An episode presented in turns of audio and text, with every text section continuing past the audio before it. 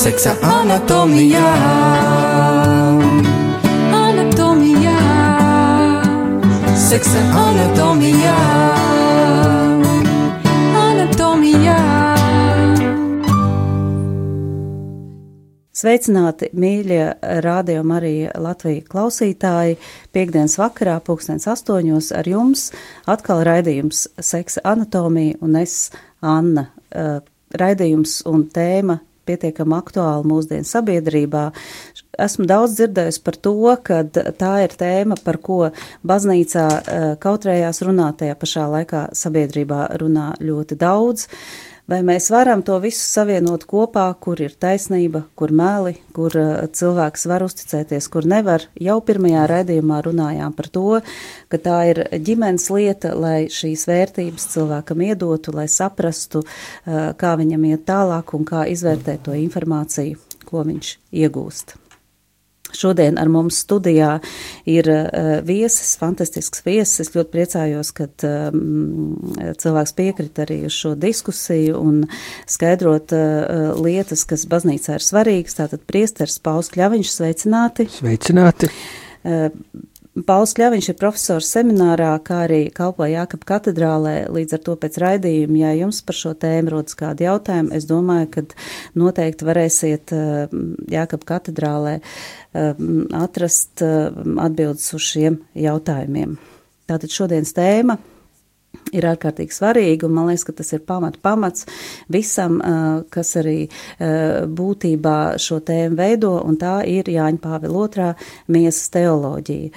Veidojot nelielu aptauju kristīgo vidu, esmu sapratusi, ka vismaz 60-70% par šo dokumentu patiesībā pavisam neko nezina. Ne kā viņš ir radies, nekad viņš ir radies, ne kas ir bijis varbūt kaut kāds priekšnosacījums šī dokumenta tapšanai.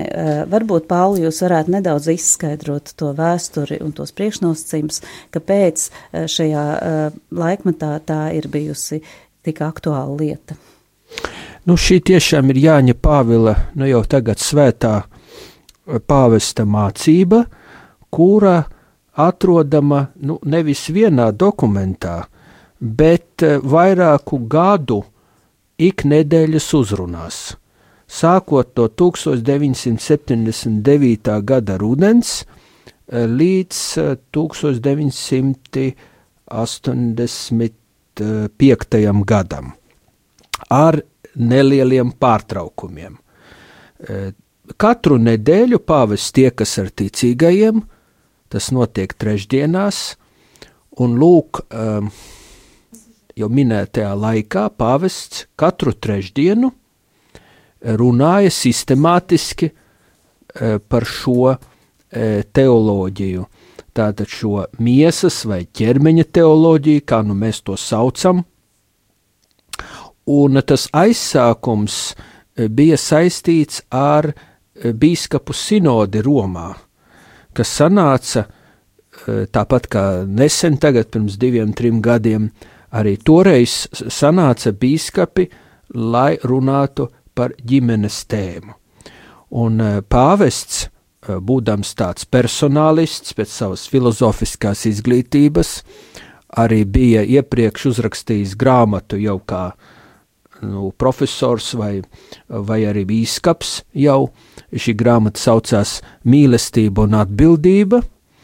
Viņš jau bija savā kalpošanā eh, daudz sastapis laulātos pārus, un viņš eh, labi apzinājās arī jauniešu jautājumus, jauno laulāto pāru izaicinājumus.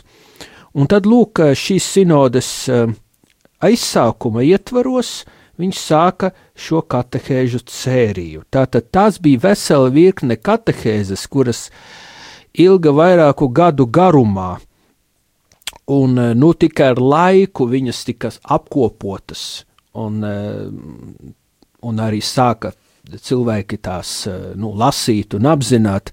Kaut gan, piemēram, angļu valodā eh, šīs katehēzes vēl nācās pārstrādāt savā tulkojumā, jo tas sākotnējais tulkojums, kurš jau iznāca toreiz jau pāvesta vēl kalpošanas laikā, nu, tas netika uzskatīts par adekvātu jo lūk, tā, pāvesta uzrunas veids un forma, nu, viņš kā runā ļoti filozofiski un tā ļoti dziļi, Lūk, tur ir nepieciešama lūk, tā atbilstošā valoda, lai mēs pietuvotos šim patiešām ļoti svarīgam jautājumam. Jo, kā jūs teicāt, jā, tas skar ģimeni, bet nu, šī miesas vai ķermeņa teoloģija skar arī paša cilvēka identitāti, šo dzimumu vai seksuālo identitāti, šo apzināšanos par sevi, kas ir ļoti būtiska tātad eh, cilvēka emociju uh,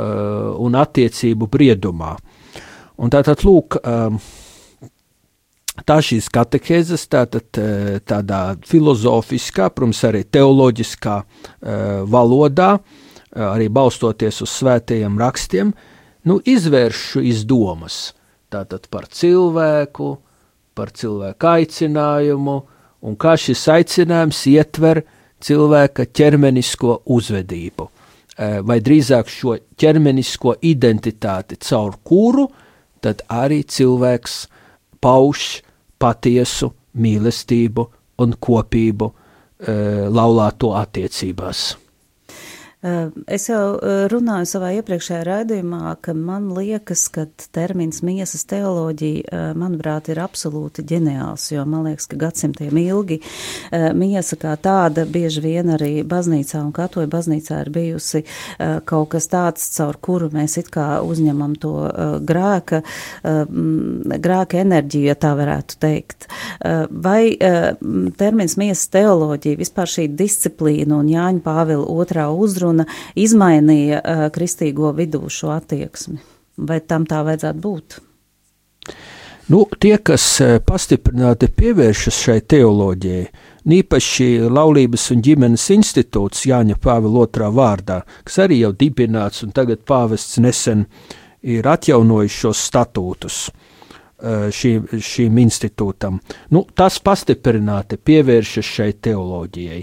Nu, es pieņemu, ka arī um, kaut kādos, um, nu, varbūt uh, laulāto kursos, uh, īpašās lekcijās uh, par šo teoloģiju arī runā, jo vismaz angļu valodā ir pieejamas grāmatas, nu, kuras vai nu skaidro, šo teoloģiju tā padziļināti, vai arī savā ziņā vienkāršo. Jo tiešām lasīt šos pašus tekstus, nu, kuri, var teikt, iznāk kopumā tādā diezgan biezā grāmatā, nu, nav tik vienkārši, un tos mēs nevaram arī nu, uzticēt tagad nu, kā pienākumu, uzlikt kā pienākumu. Uh, lai, lai, lai laulātie vai kāds cits to lasītu. Nu, īstenībā Eh, nu, visus tekstus es pieņemu, ka lasa tikai speciālisti, nu, tie, kas, kas studē laulības un ģimenes teoloģiju. Bet, tu, protams, um, šīs atziņas ir ļoti svarīgas, eh, un, eh, jā, un mēs patiešām nu, tur varam runāt vai nu par to miesi, miesas teoloģiju, vai arī ķermeņa teoloģiju, un es domāju, tas vēl ir atklāts jautājums, kā to mēs latviešu valodā varētu e, formulēt, jo nu, miesa varbūt vairāk akcentē nu, to, var teikt, to fizioloģisko varbūt pusi, e, bet savukārt ķermenis nu, vairāk tādas tā kā ārējās fiziskās formas un izpausmes. Bet nu, tā būtība ir, ka tas ir cilvēks kā persona, kurš tātad caur savu ķermenisko uzvedību, Ehm, pauž savas attiecības. Ja? Un pirms mēs runājam par grēku, ehm, pāvests runā vispār par radīšanu. Tātad, principā, visas šīs katehēzes, ehm, nu, viņas ir trīs lielās daļās. Pirmkārt, runa par radīšanu, tātad kā cilvēks, tas sākotnējais cilvēks, apzinājās sevi kā seksuālu būtni, Tad tas ir vesels process, eh, par kuru pāvests runā. Eh, šis process, ar kuru cilvēks tātad tajā sākotnējā vientulībā um, nu, jūtas um, nu, patiešām tāds nepilnīgs, un tāpēc ir, ir radīta sieviete, un tad viņš ar šo sievieti iepazīst pats sevi un to kopību, kurai viņš un arī viņa ir radīti. Bet tad, protams, ienāk šis grēcīgais mantojums. Un tas grēcīgais mantojums e, šo harmoniju izjauc. Un tad nāk Kristus, un, un pāvests, protams, raksta jau no jaunā, vai runā no jaunās derības viedokļa, ko tad Kristus ir darījis, kā viņš šo sākotnējo kārtību ir atjaunojis, kādā veidā viņš tātad dod šo žēlastību, e, īpaši caur e, laulības sakramentu, e, kurā tad arī vīrietis un sieviete var pilnveidot savas attiecības, arī tīri cilvēciskā līmenī. Un visbeidzot, tā, tā pēdējā dimensija, kas skar miesas teoloģiju, ir Jēzus augšām celšanās, kas ietekmē arī mūsu augšām celšanos. Tātad vispār miesas augšām celšanās kā tāda, tātad ko tā atklāja, tātad attiecībā uz e, cilvēka e, ķermeņa vērtību, uz, uz, šo, uz šo cilvēka arī miesīgumu. Tātad, lūk, visas šīs trīs dimensijas e, viņš aplūko, Un eh, tas, protams, eh, nu, tikai pakāpeniski viss izvēršas. Varbūt ne tik vienkārši, kā es to tagad skaidroju, bet katrā ziņā eh, nu, mums tas viss ir jāņem vērā, visas šīs dimensijas, sevišķi nu, kristiešiem. Jo lūk, mēs esam radīti, mēs esam šī radības stāvoklī, un tad, protams, mums ir šis atpestīšanas aspekts caur kuru mēs tiekam dziedināti. Eh, nu, no grēka arī iedzimtais grēks ir dzēsts, bet mēs turpinām cīnīties ar tām kaislībām, eh, kas ir cilvēkos. Un tad, protams, beigās mums ir arī šī miesas augšām celšanās, kurai mēs ticam, kurai mēs gatavojamies. Un tātad mm, pāvests arī starp citu runā par aicinājumu uz jaunavību, uz celibātu, ja, tātad kā šo pravietisko zīmi. Bet, eh, nu, protams, pats svarīgākais, saprotu, šī raidījumā, tas ir eh, nu, šīs attiecības šajā pasaulē. Eh, kā, kā notiek šī apzināšanās, un tā, un, un, un, un, un kādas ir problēmas. Nu, jāsaka, pāvests te tik ļoti runā tādām konkrētām problēmām. Viņš nu. runā tā vispārīgi, jo visas problēmas sākās no tās iekšējās nesakārtotības cilvēkā.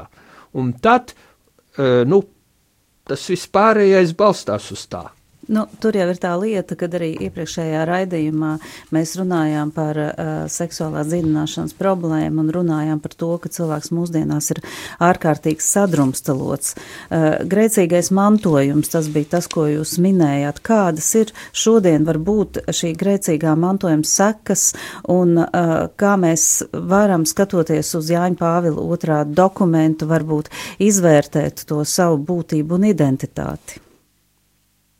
Jā, nu tas nav tik vienkāršs jautājums, jo lūk, iedzimtais grēks tas ir atstājis mums smagas sekas, izjaucis vispirms jau to iekšējo harmoniju, iekšējo saskaņu, kurai mēs esam radīti attiecībās ar Dievu, jo Dievs lūk ir pamatā e, arī cilvēciskai kopībai. E, tas, ka mēs esam radīti pēc Dieva attēla un līdzības, protams, attēls un līdzība paliek, bet uh, tās izpausmes tiek ļoti ierobežotas, jo uh, do, dominē, nu, kā pāvests teiktu, egoisms, un vēl vairāk cilvēku attiecībās dominē uh, nu, šī varaskāra vai dominācija. Viens cenšas dominēt vai uzkundzēties otram. Un tad lūk, tas tā kā pāvests teiktu, tad cilvēks kļūst nevis par subjektu, bet par objektu cilvēciskām kaislībām. Un no tā, protams, viss pārējais izriet. Es domāju, ka šeit raidījumā e, varbūt būs liecinieki, e, kas, kas, kas personīgi to ir piedzīvojuši, ja šo e, arī laulāto attiecībās esošo e, šo uzkundzēšanos un, un vārdarbību dažāda veida, e, un arī seksuālo vardarbību galu galā. Un lūk, nu šādā veidā mēs attālināmies no tās sākotnējās nevainības, par kuru pāvests runā. Mēs attālināmies no tās kopības, no tās nevainības, kas, kas bija sākotnēji. Un tad, lūk, dominē šī, šīs kārības. Šīs kārības, protams, nevienmēr būs grēks formālā nozīmē, bet tās kārības ļoti spēcīgi, var teikt, korumpē, samaitā šo, šo ķermeņa nozīmi, šo, šo miesīguma nozīmi mūsu dzīvē. Šīs skaistības, un, protams, tas sākās jau cilvēka sirdī, cilvēka attieksme, cilvēka domās, tātad kā mēs raugāmies uz pretējo dzimumu, kā mēs raugāmies uz savu dzimumu, kā mēs raugāmies paši uz sevi, ja, kā mēs pieņemam sevi. Nu, visi šie jautājumi ir savstarpēji saistīti. Pāvis, protams, par to visu nerunā, bet viņš norāda, lūk, ka ar grēku ienāk, var teikt, neatbilstoša attieksme cilvēkā, ienāk šīs kārības, un sirds patiešām, nu, nu, zaudē to savu štu, īstenībā šķīstību. Ļoti grūti ir uzturēt e, sevī šo šķīstības tikumu, jo tieši šķīstība viņa prāt ir tā, kas uztur ķermeni svētumā un cieņā. Un e, tāpēc e, ir jācīnās, jācīnās par šo šķīstības tikumu. Nu, un, tas ir tas lielākais izaicinājums mūsu dienās - vārdarbība, dažāda veida nešķīstība, ja, šī, šī neatbilstošā attieksme starp cilvēkiem. Un, bet pirms mēs runājam par to seksuālo dimensiju, tas jau vispār notiek cilvēku attiecībās. Tas jau, diemžēl, sākas ģimenē, tur, tur rodas tas modelis. There's a ghost, there's a ghost inside of me, not like those draped in old bed sheets. saying trick or treat. Different. Oh, this ghost is different. Not one that leaves me scared to death, but puts my fears to rest. Oh, holiness keep haunting me. Oh, you are my hope, you are my peace. Ironic in a way, I'm no longer afraid, and a ghost is to blame.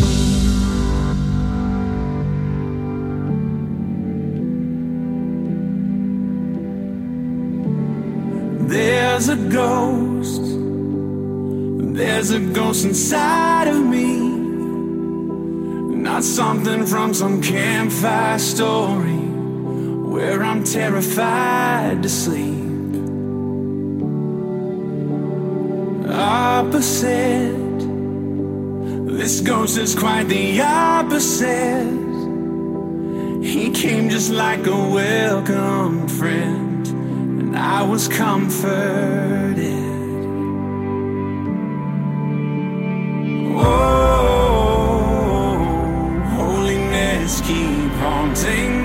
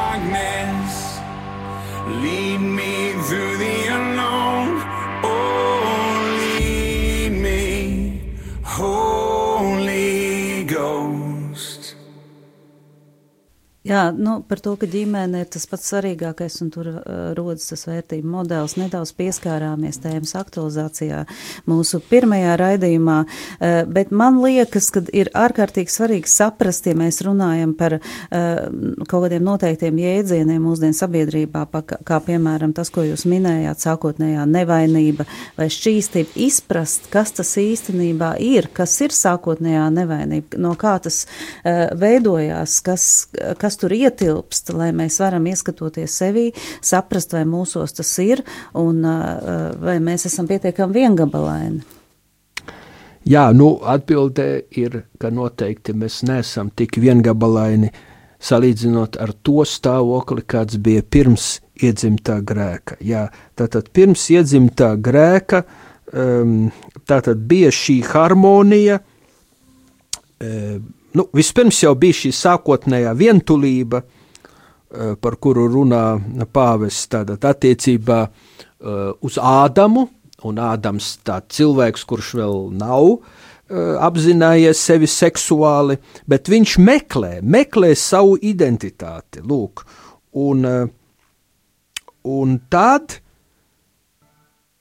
viņš tātad uh, nu, Dievs viņam dod šo miegu, ja, viņš dod šo miegu, un caur šo miegu tad arī uh, pie tam dziļu miegu,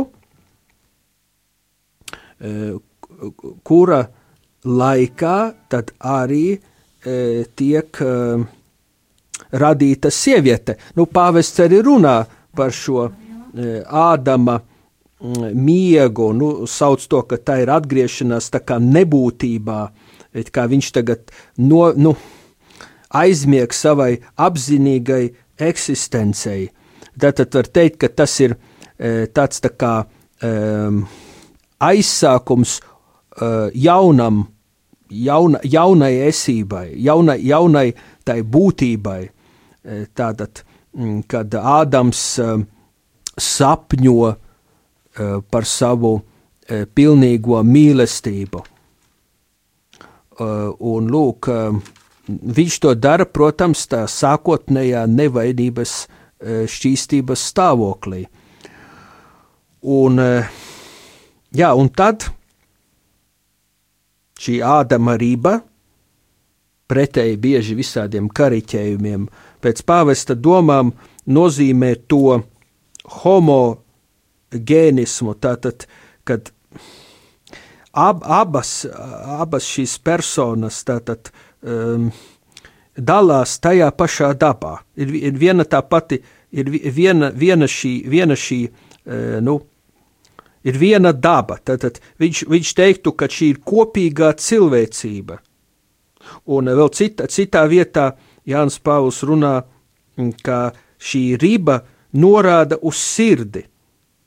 Tas nozīmē vēlreiz apliecina, ka vīrietim un sievietei ir tā pati cilvēcība, tā pati cieņa. Lūk, tātad tas, tas jau radīšanas aizsākums uh, norāda uz šo vienlīdzību. Ja? Un uh, tad tas būtiskais jēdziens, mm, kas ir um, Jāņa Pāvila teoloģija, ir komunio personārum, kad vīrietis un sieviete radīti personu kopībai. Tieši personu kopībai. Tātad tā ir tā uh, kopība, kuras pamatā uh, nu, mēs lietojam to pašu izteicienu attiecībā uz trīsvienīgo dievu. Tātad kopība, kura pauž personas dziļāko pašatdevi otrai personai. Tātad vispirms jau atvērtību otrai personai, uh, un arī atdevi otrai personai saskaņā ar trīsvienīgā dieva attēlu. Tā kā lūk, šādā veidā, nu tas ir tas sākotnējais, tas sākotnējais process, nu varbūt mazliet vienkāršots, bet tātad cilvēks tātad sākumā dzīvoja tādā dziļā harmonijā ar sevi, ar citu radību, arī ar, ar, ar, ar eh, pretējo dzīmumu. Ja, tur nebija kauna. Tātad pāvests norāda, tas ļoti svarīgi, ka viņi bija tātad kaili un tur nebija nekāda kaislība nepakārtota, tātad viņi, viņi bija, viņi patiešām bija teikt, nu, pārņemti ar, ar Dieva godību, ar Dieva klātbūtni sākumā. Un, diemžēl tas vēlāk viss izjuka, un, un, un tad nu, cilvēkam nākas tad, nu, ar grūtībām sevi pilnveidot. Ļoti svarīga tēma, manuprāt, ko arī aizskārām jau iepriekšējā raidījumā par seksualitātes dziedināšanu, tas ir kauns.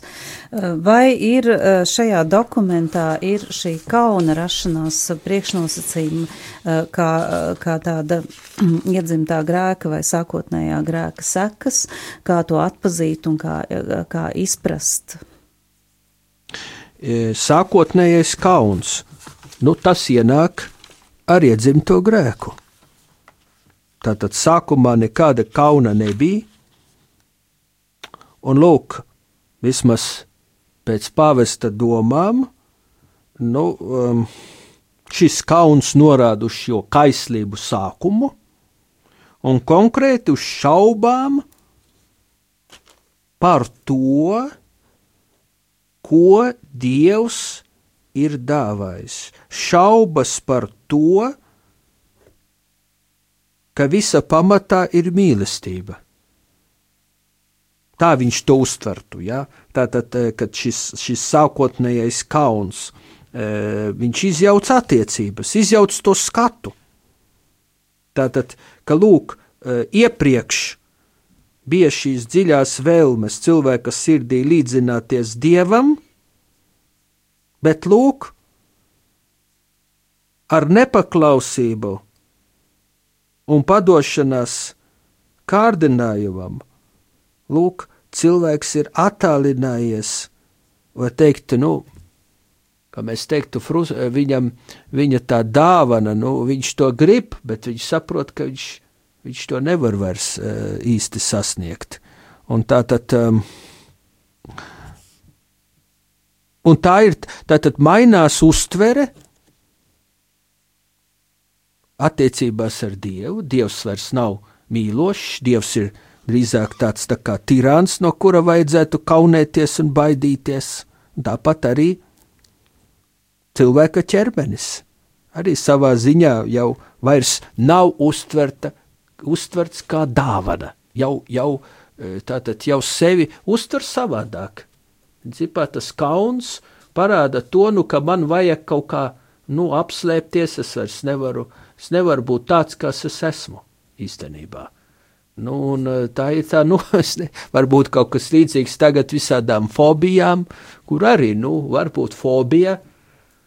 Varbūt cilvēks pilnīgi ir, e, nu, teiksim, vesels, bet ir kaut kādu iemeslu dēļ kaunās. Nu, kaunās no sava ķermeņa, tā arī var būt. Tātad faktiski viņš, nu tā varētu teikt, negrēko, viņš nedara neko sliktu, bet uh, savu ķermeni neatpazīst kā daļu no savas identitātes. Nu jā, vai arī, vai arī nevēlas to parādīt kā dāvanu, kā dāvanu, e, kuru Dievs ir devis, e, kā dāvanu, ar kuru var lepoties, ar kuru, nu, lepoties pozitīvā nozīmē, bet kuru var patiešām, nu, justies, ka tu esi esi cilvēks, nu, ka tā ir tas, kas tu esi. Jā, ka tur nevajadzētu neko kaunēties, ka e, tas kauns, es pieņemu, ļoti bieži nu iet kopā ar mazvērtības kompleksiem. Un mazvērtības kompleks atkal jau veidojās ģimenē, ja, no, no tā, ko mums dod vecāki, un kāda mazvērtības kompleksa ir vecākiem. Tātad tas faktiski ir tāds, varētu pat teikt, nebeidzamais aburtais lokus. Nu, tieši tā, nu, eh, nu, jā, bet ja mēs te runājam par to sākotnējo, nu, tad jau tur tas, tas jau nebija, tur eh, nebija nekādas vēl ģimenes, tāpēc te mm -hmm. savādāki tie akcenti pašā sākumā. Bet, nu, protams, ka mūsu dienās, eh, nu, tas sākās ar ģimeni, ar uzstādījumiem, ģimene, bet arī ar audzināšanu, ar, ar veselu virkne faktoru, jā, tur var, tur var, protams, pētīt, cik daudz tieši pati ģimene, Eh, ar savu piemēru eh, nu, stāda priekšā šos uzstādījumus, bet arī noteikti skolai ir liela nozīme un arī kaut kādiem ideoloģiskiem uzstādījumiem, jo tie jau vairāk uzrunā to skaidrošanu, jo to, ko mēs redzam, nu, tas ir viens, bet tad nāk skaidrošana, kāpēc tas tā ir. Un tas jau arī var būt sagrozīts, sagrozīts eh, modelis cik bieži vispār ir šī skaidrošana, jo te mēs redzam patiesībā tāda cilvēka audzināšana ārkārtīgi daudz faktors. No vienas puses tā ir ģimene, no otras puses tā ir skola, eh, kas nevienmēr sakrīt varbūt ar tādām ģimenes vērtībām. Eh, tad noteikti ir eh, informācijas plūsma, ko, protams, mūsdienu paudze iegūst stipri vairāk nekā kādreiz, ja tas ir internets, tā ir vispār milzīga informatīva cīņa, un, protams, cilvēki, kas ir baznīca, baznīcā, kas eh, tie iegūst vēl arī informāciju eh, un, un eh, kaut kāds skaidrojums no turienes. Ja? Tātad kā lai šajā visā neapmaldītos, kā, kā, kā saprast sevi un izprast, kur informācija man ir derīga un kura nav derīga. Nu, mums, kā toļticīgajiem, paldies Dievam, ir Dieva vārds, katoliskās baznīcas katehisms, kas dot to baznīcas mācību arī tagadējā, e, tagadējā gaismā, tagadējos izaicinājumos, un arī šis nesen izdotais dokuments Amoris Leticija arī satur veselu nodaļu attiecībā uz audzināšanu. Skaidrs, ka tā kā audzināšana notika kādreiz, nu, tā tas tagad nenotiek, bet nu, kaut kādi kopīgi principi paliek, jo vismaz uh, pēc baznīcas viedokļa, nu mēs paliekam tāpat, nu mēs paliekam vīrietis un sieviete. Un kā pāvis tagad arī nesen teica, nu, nu tā ir ideoloģija, tas tādi uzskati, ka, lūk, ir, ka ir kaut kāda neitrāla, neitrāls dzimums, un tad es pats izvēlos. Var jā, sakot, tas ir traki. Ka, nu jā, protams, protams, eh, bet tā ir ideoloģija. Bet, nu, es teiktu, ka ticīgiem cilvēkiem jā, nu, būtu jāvadās e, nu, no dieva vārda, no baznīcas mācības. Nu, te gan jāsaka, ka mēs, piemēram, garīdznieki, nu, par šādām dziļām tēmām, teiksim, vispār par seksuāliem jautājumiem, nu, no kanceles jau tā nerunātu. Jo, nu. jo, jo īsti mēs varam vispārīgi runāt, ja? bet nu, tā ļoti detalizēti nu, vismaz es zinu, ka Amerikas audiencēs nu, tas nav pieļauts. Jā, tāpēc, ka tur ir klāt bērni, tur ir jaunieši, tad vienmēr būs protesti.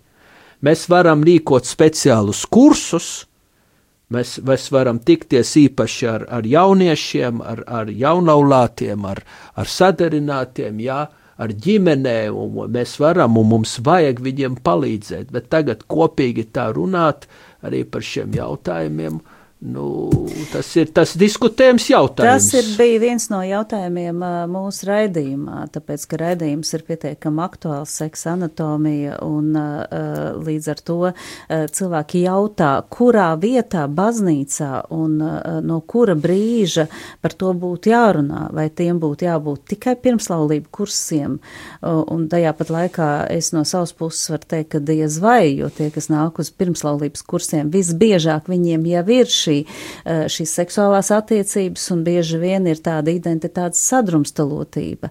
Tad eh, no kura, eh, no kura brīža būtu jāsniedz šī informācija, un kurā vietā viņai būtu jābūt, lai arī baznīcā cilvēki saprastu, kur viņiem griezties, lai neiegūtu to milzīgi lielo informāciju, kas par šo tēmu nāk no uh, laicīgiem masu mēdījiem un informācijas avotiem. Nu, jau 1995. gadā e, tika izdots dokuments par to, kā vajadzētu audzināt e, nu, ģimenes un jauniešus un bērnus e, ģimenes jautājumu mīlestības jomā. Tātad šis dokuments ir, viņš arī latviešu valodā ir, ir iznācis, jā, tikai laikam viņš vairs nav e, tik viegli pieejams. Respektīvi, baznīca par šiem jautājumiem ir runājusi. Es teiktu tā, ka pārs, e, principā tas ir dialogs ar vecākiem. Tam ir jābūt dialogam starp garīdzniekiem un vecākiem. Jo arī pāvests, manuprāt, to norāda, ka attīstība ir ļoti atšķirīga dažādās situācijās. Mēs nevar, mums nedrīkstētu vispārināt. Ja? Un mums, protams, arī nevajadzētu tagad tā ieiet vai neapējot vecākus un tagad, tagad sākt runāt par to, ko mēs uzskatītu par pareizu. Mums vajadzētu to veikt dialogā ar vecākiem. Tā kā vecāki ir pirmie bērnu audzinātāji, tā arī uzsver baznīca. Uh, un viņiem ar viņu palīdzību mēs varam palīdzēt viņiem ka, e, sniegt šo piemēru, mēs varam palīdzēt viņiem ar, ar vadlīnijām. E, mēs varam arī nu, uzrunāt tātad viņus un arī bērnus, bet nu, noteikti kopā, kopā ar vecākiem, un lai tas būtu nu, pakāpeniski un pedagoģiski. Jo tā, vai tagad... Latvijā ir šis virziens? Tas ir jautājums. Vai Latvijā ir tāds virziens, kas ļauj vecākiem gūt pilnvērtīgu un drošu atbalstu uh, baznīcas vidē? Nu, mums pie tā ir jāpiestrādā. Mums ir sadarināto kursi, mums ir jauniešu e, tikšanās nu, daudzās draudzēs, jā. Bet, nu, mana pieredze ir tāda, ka jaunieši joprojām kautrējas runāt par to. Es domāju, ka un, ne tikai jaunieši. Jā, un garīdznieki, jā, un garīdznieki arī nejūtas pārāk kompetenti vai arī droši runāt, jo īstenībā ir tā, nu, mēs jau zinām to argumentu, jā, nu, ko jūs tur garīdznieki pašiem jums ģimenes tagad nav, vai ne, un mēs paši dzirdam, kā tur garīdznieki dzīvo, nu, kā jūs vispār kaut ko tādu varat runāt. Nu, tāds pārmetums atskan vai nē. Un es teiktu, ka vislabāk, ka to darītu e, laulātie pāri, kuri ir kuri ir pārliecināti ar savu pieredzi par to, ko mēs tagad runājam. Tas ir vislabākais variants. Paši e, laulātie, kuriem ir pieredze, viņi varētu mācīt E, citus saulētos vai sadarinātos, vai arī satikties ar jauniešiem. Tas būtu ideālais variants. Ja? Nu, diemžēl mums uh, arī trūks tādu, uh, var teikt, uh, pārliecinātu uh, laju, kas pievērstos šai sfērai.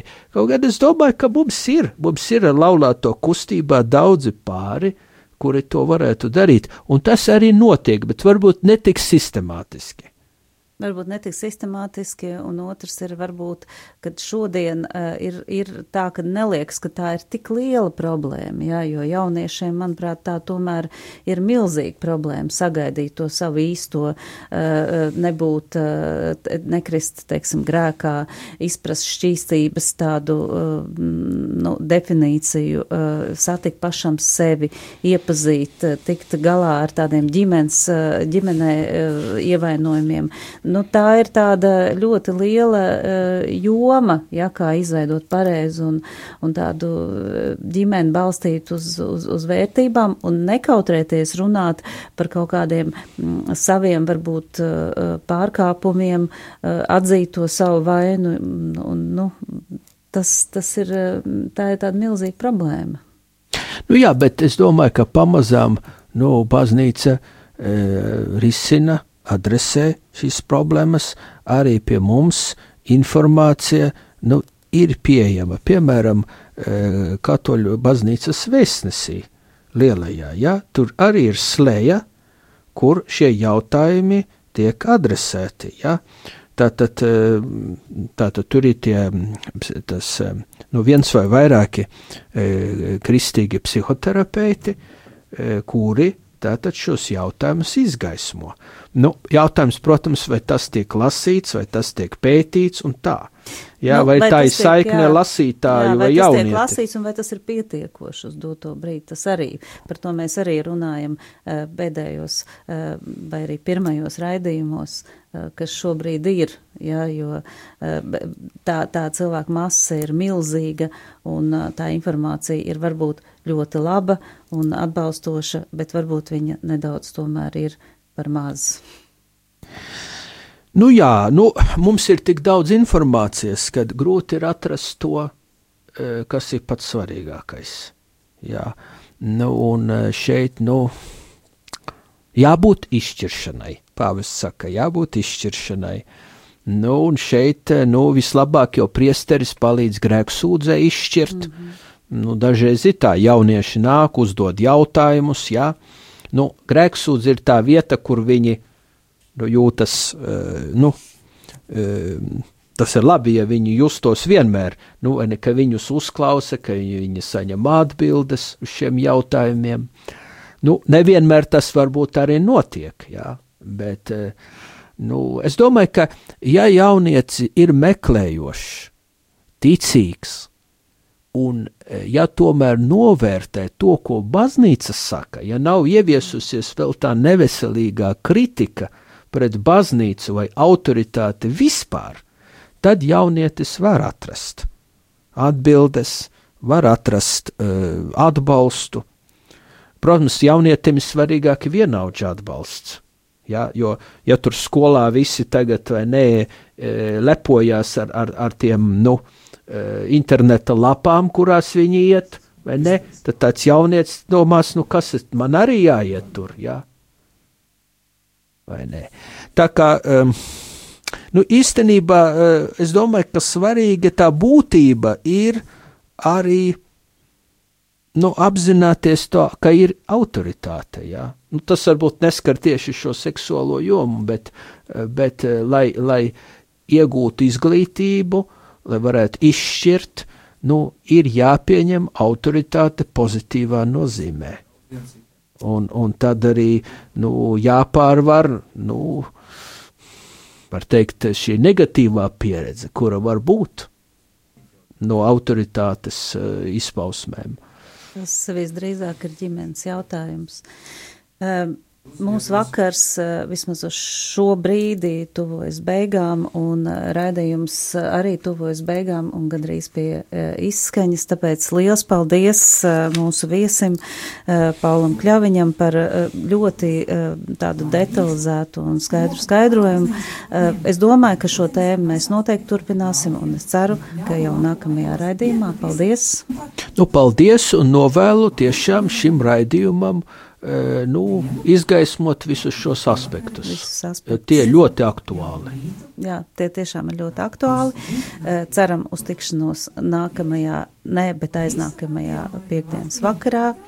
Visu labu!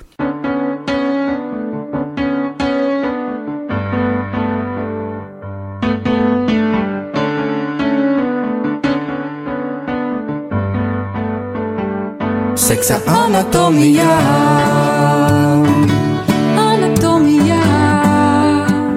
seks en annet om.